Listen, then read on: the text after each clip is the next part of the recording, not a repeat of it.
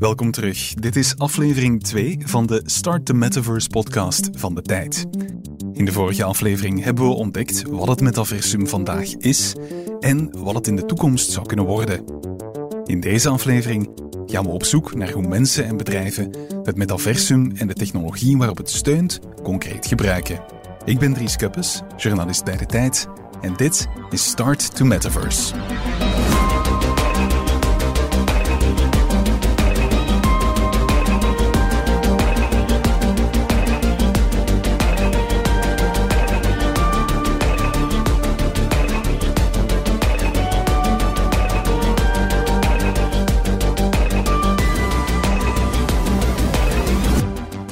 Podcast komt tot stand met de gewaardeerde steun van EY. Misschien heb je zelf al eens geëxperimenteerd met virtual reality.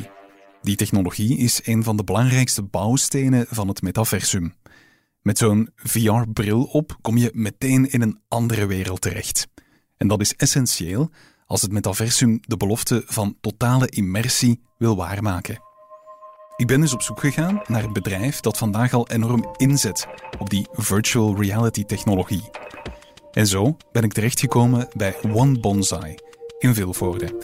Ik ben er gaan praten met een van de oprichters en managing partners van het bedrijf, Evarist Schoofs. Hallo, come on in. Hey, hallo, dankjewel. Bij One Bonsai zijn we eigenlijk sinds 2016 bezig met uh, virtual reality. Dus dat betekent dat wij zaken bouwen in, in VR, in, in niet-reële niet zaken, maar waar we eigenlijk mensen gaan laten opleiden in een omgeving waar ze veilig zichzelf kunnen opleiden. Dus wij bouwen eigenlijk bestaande omgevingen na op de computer, waardoor je die kunt gaan gebruiken. En hoe moet ik me dat dan concreet voorstellen? Kan je een voorbeeldje geven van, van welke bedrijven daar precies gebruik van maken? Um, ja, een van de bedrijven of ja, instellingen die gebruik maken van onze toepassingen is het ziekenhuis als Limburg. En zij gebruiken dat uh, voor, uh, voor eigenlijk medisch personeel op te leiden om tracheotomie of tracheocare te doen op virtuele patiënten. Hoe gaat het dan precies in zijn werk? Want ik zie hier uh, voor ons, je hebt een hele grote open ruimte hier in jullie, in jullie kantoor. Wat gebeurt daar dan precies in? Hoe moet ik mij dat voorstellen? Ja, het grappige eigenlijk is als je virtual reality, dan zet je een bril op en dan verdwijnt eigenlijk de, de, echte wereld. Dus dat betekent dat je niks meer ziet van de echte wereld. Dus dat betekent ook dat je eigenlijk een ruimte nodig hebt die groot genoeg is waar je veilig kunt rondlopen. Dus daarom is er hier een open ruimte gemaakt waar mensen kunnen rondwandelen in een paar meter op paar meter in de virtuele ruimte, maar ook in de fysieke ruimte.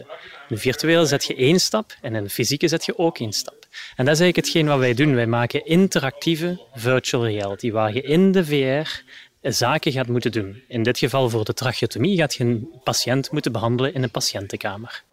En die virtuele omgevingen, als we het hebben over het metaversum, dat zijn eigenlijk hele kleine metaversums op zich, zeg ik dat juist?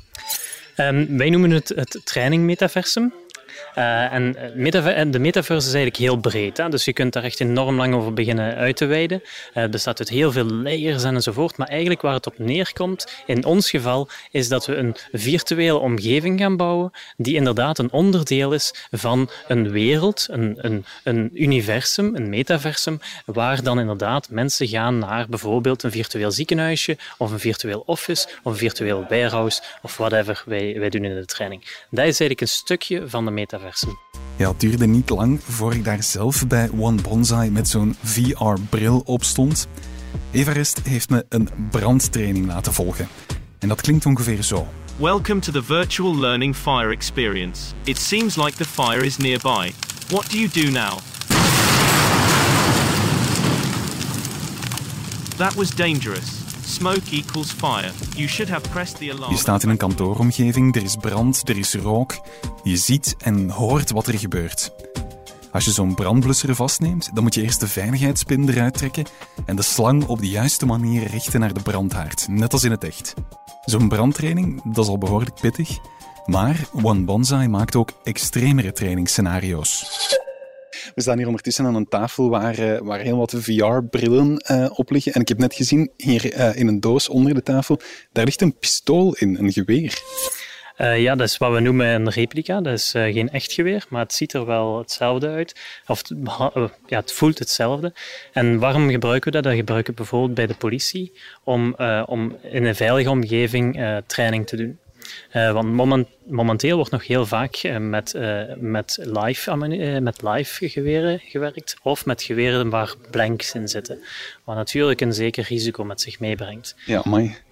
nu met, met deze training kunnen we, voelen ze dus ook effectief het wapen hebben ze het gewicht en kunnen ze dus die trainingen nu doen in een virtuele omgeving. Mag ik dat ook eens vaststellen?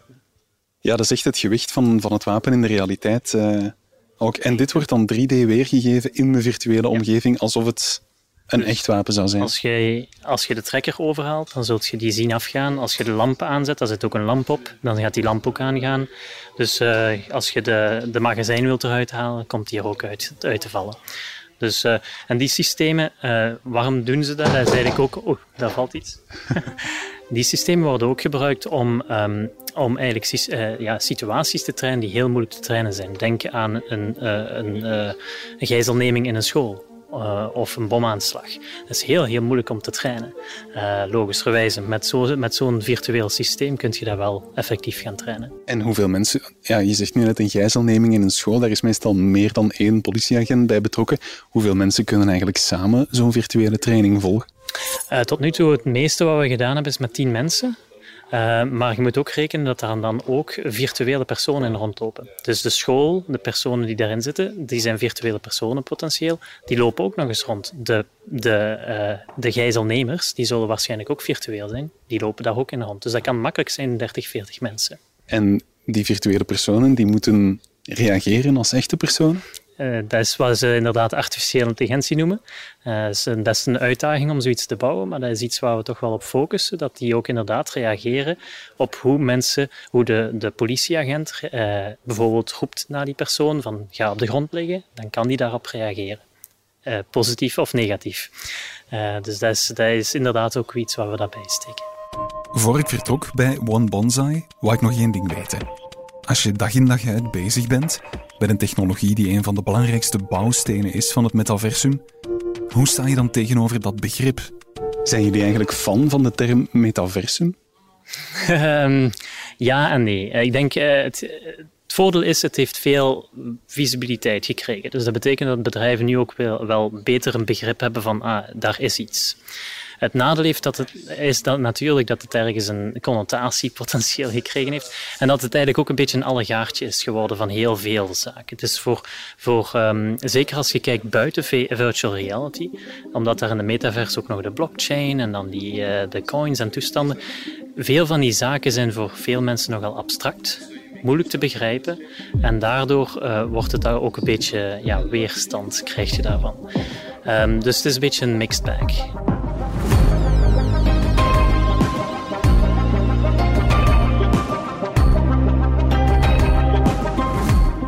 Bij One Bonsai hebben we gehoord hoe een bedrijf aan de slag gaat met de technologie die het metaversum mogelijk maakt. Maar ik wou zeker ook eens spreken met iemand die vandaag al onderneemt en business doet in het metaversum. En zo kwam ik terecht bij Anne Klaas, een van de medeoprichters van de Antwerpse modestartup Mutiny. Dag Anne, kan jij vertellen wat Mutiny als start-up precies doet? Wij ontwikkelen dus uh, virtuele mode. Um, wat wil zeggen dus dat dat een 3D-voorstelling is van uh, een, een, kledingstuk. Hè. Dat, dat kunnen schoenen zijn, dat kunnen outfits zijn, dat kunnen juwelen zijn, noem maar op. Um, die je dan uh, op twee manieren kan inzetten. Dus ofwel um, op jezelf als reële persoon. Hè. Dan kan het bijvoorbeeld een augmented reality filter zijn, dus een extra laag over je, uh, je, je, eigen fysieke uh, figuur, zoals jullie bijvoorbeeld ook kennen, uh, zoals een Snapchat-filter of een Instagram-filter. Um, maar anderzijds kan dat natuurlijk ook kledij zijn die je gaat kunnen dragen um, als je avatar. Dus als je um, alter ego dat je kan gebruiken, kiezen, samenstellen om jezelf te gaan bewegen in virtuele werelden. Hoe anders is het voor jou om business te doen, om te ondernemen in het metaversum? Ik uh, werk zelf al meer dan twintig jaar in de modesector en het was ook een enorme aha-erlebnis om ja, het businessmodel, de opportuniteiten erachter eigenlijk te, ja, te beseffen en, en in te zien van dit is een compleet nieuw ja, toegevoegd kanaal eigenlijk, waar dat je als, als bedrijf um, helemaal op kan inzetten. Dus wij zijn nu een Web3 native um, bedrijf, dus wij, wij vertrekken vanuit dit standpunt. Maar ik vind het vooral ook heel um, ja, spannend om te zien hoe dat bedrijven eigenlijk gewoon dit als een, ja, als een extra kanaal kunnen zien om uh, ja, een nieuwe markt te bedienen, um, een extra laag toe te voegen op hun, hun bestaande bedrijfsactiviteiten. Hoe maak je dan die vertaalslag van de echte wereld naar het metaversum voor je bedrijfsactiviteiten? Is dat een beetje vergelijkbaar met een webshop openen om producten te verkopen, alleen complexer? Ja, nu, ik denk wel dat je het ook iets ruimer mag zien. Dus het, het zou zeker verder moeten gaan dan puur het verkopen of verhandelen van goederen. Ik denk dat je evengoed um, het metaversum kan bekijken als een ja, een, een plek waar dat je bijvoorbeeld je branding en je positionering naar een volgend uh, niveau gaat brengen, uh, waar dat je een bepaalde beleving gaat aanbieden. Um, en natuurlijk kunnen dat ook virtuele producten of diensten zijn. Um, dan is het een beetje afhankelijk natuurlijk vanuit um, ja, welk, welk bedrijfsstandpunt, wel, wel, wat jouw aanbod vandaag is, hoe dat je dat kan brengen, het metaversum. We zien heel veel uh, creatoren, uh, bijvoorbeeld uh, vanuit de creatieve sector, die dit zien als een extra opportuniteit eigenlijk om hun creatieve werk um, te verzilveren, als een, als een extra kanaal. Um, maar ik denk dat er zeker ook bepaalde diensten een, een, extra afzetmarkt kunnen vinden via deze weg. Ja. Jij zit er nu echt in met je bedrijf, in dat metaversum. Hoe zit het met het ondernemerschap daar? Is er ruimte voor bedrijven om te groeien en voel jij potentieel? Ja, absoluut. Ik heb zelf bijvoorbeeld uh, onlangs nog aan de lijf ondervonden. Ik denk met Mutiny zijn we zeer uh, pionierend bezig. Uh, en tegelijkertijd ben ik onlangs uh, gecontacteerd door een zeer, zeer grote online speler die ineens uh, uit het niets een, een volledig platform uh, aanbiedt rond digitale mode. Puur en alleen om, om de grote massa al um, te onboarden, zoals ze dat noemen, om, om hen ja, te laten proeven van wat het kan zijn. En ik zelf zei het nog in die meeting van wauw, ik vind het ongelooflijk dat grote spelers op dit moment dat soort bedragen ook investeren eigenlijk om die technologie zo snel um, te implementeren bij, bij de grote massa. Dus in het begin leek het nog dat mensen het vaak zouden inzetten als een soort van PR-stunt van kijk eens, uh, wij zijn een innovatief bedrijf en wij zijn hier ook uh, mee bezig. Voel ik dat er steeds meer bedrijven ook echt wel een opportuniteit zien en willen testen um, als, als ja, een, een, extra bedrijfsactiviteit. En ik moet zeggen, allez, dat, dat verrast mij zelfs ook nog steeds uh, hoe dat gebeurt. De snelheid vooral. Ja. Misschien om af te sluiten, heb jij tips voor bedrijven die willen starten met het metaversum? Ja, absoluut. Ik denk dat alles begint met um, een deep dive of welcome to the rabbit hole, zoals ze dat altijd zeggen. Je moet één keer beginnen met, met te lezen, maar het ook te ervaren. Um, ik denk, uh, uh, do your own research is ook een, uh, een heel gekende term. Ga luisteren naar podcasts. LinkedIn is een enorme grote bron van, van informatie. Ga naar events uh, zoals Web32, Bit Brussels. Ga spreken met mensen uit de community. Ik denk dat je daar enorm veel kan, kan bijleren. En dan daarnaast zou ik zeker zeggen, ga ook zelf aan de slag. Maak eens een, een wallet aan. Koop, een keer cryptocurrency. Word lid van een DAO. Um, word een keer actief. Ga een beetje meelezen op een Discord uh, groep. Uh, dus dat zijn allemaal eerste kleine stapjes um, die ik denk dat wel heel, heel waardevol zijn om een beetje beter grip te krijgen uh, op wat dit allemaal kan betekenen.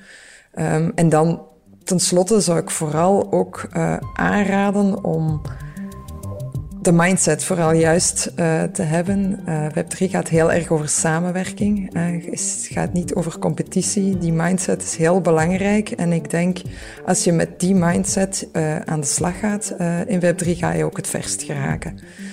dat en je klant centraal zetten, maar dat is in de dagdagelijkse realiteit van een bedrijf sowieso eigenlijk al belangrijk. Dit was de tweede aflevering van onze Start to Metaverse podcast. In de volgende hebben we het over geld in het metaversum. Hoe kan je het verdienen? Wat kan je ermee doen? En hoe zit het met investeren en beleggen? Investeer je bijvoorbeeld rechtstreeks in het metaversum zelf? Of zie je meer in de bedrijven die de technologie ontwikkelen om die vele digitale werelden van het metaversum te creëren? Abonneer je gerust op deze podcast. Dat kan waar je je podcast ook haalt. Tot in de volgende aflevering.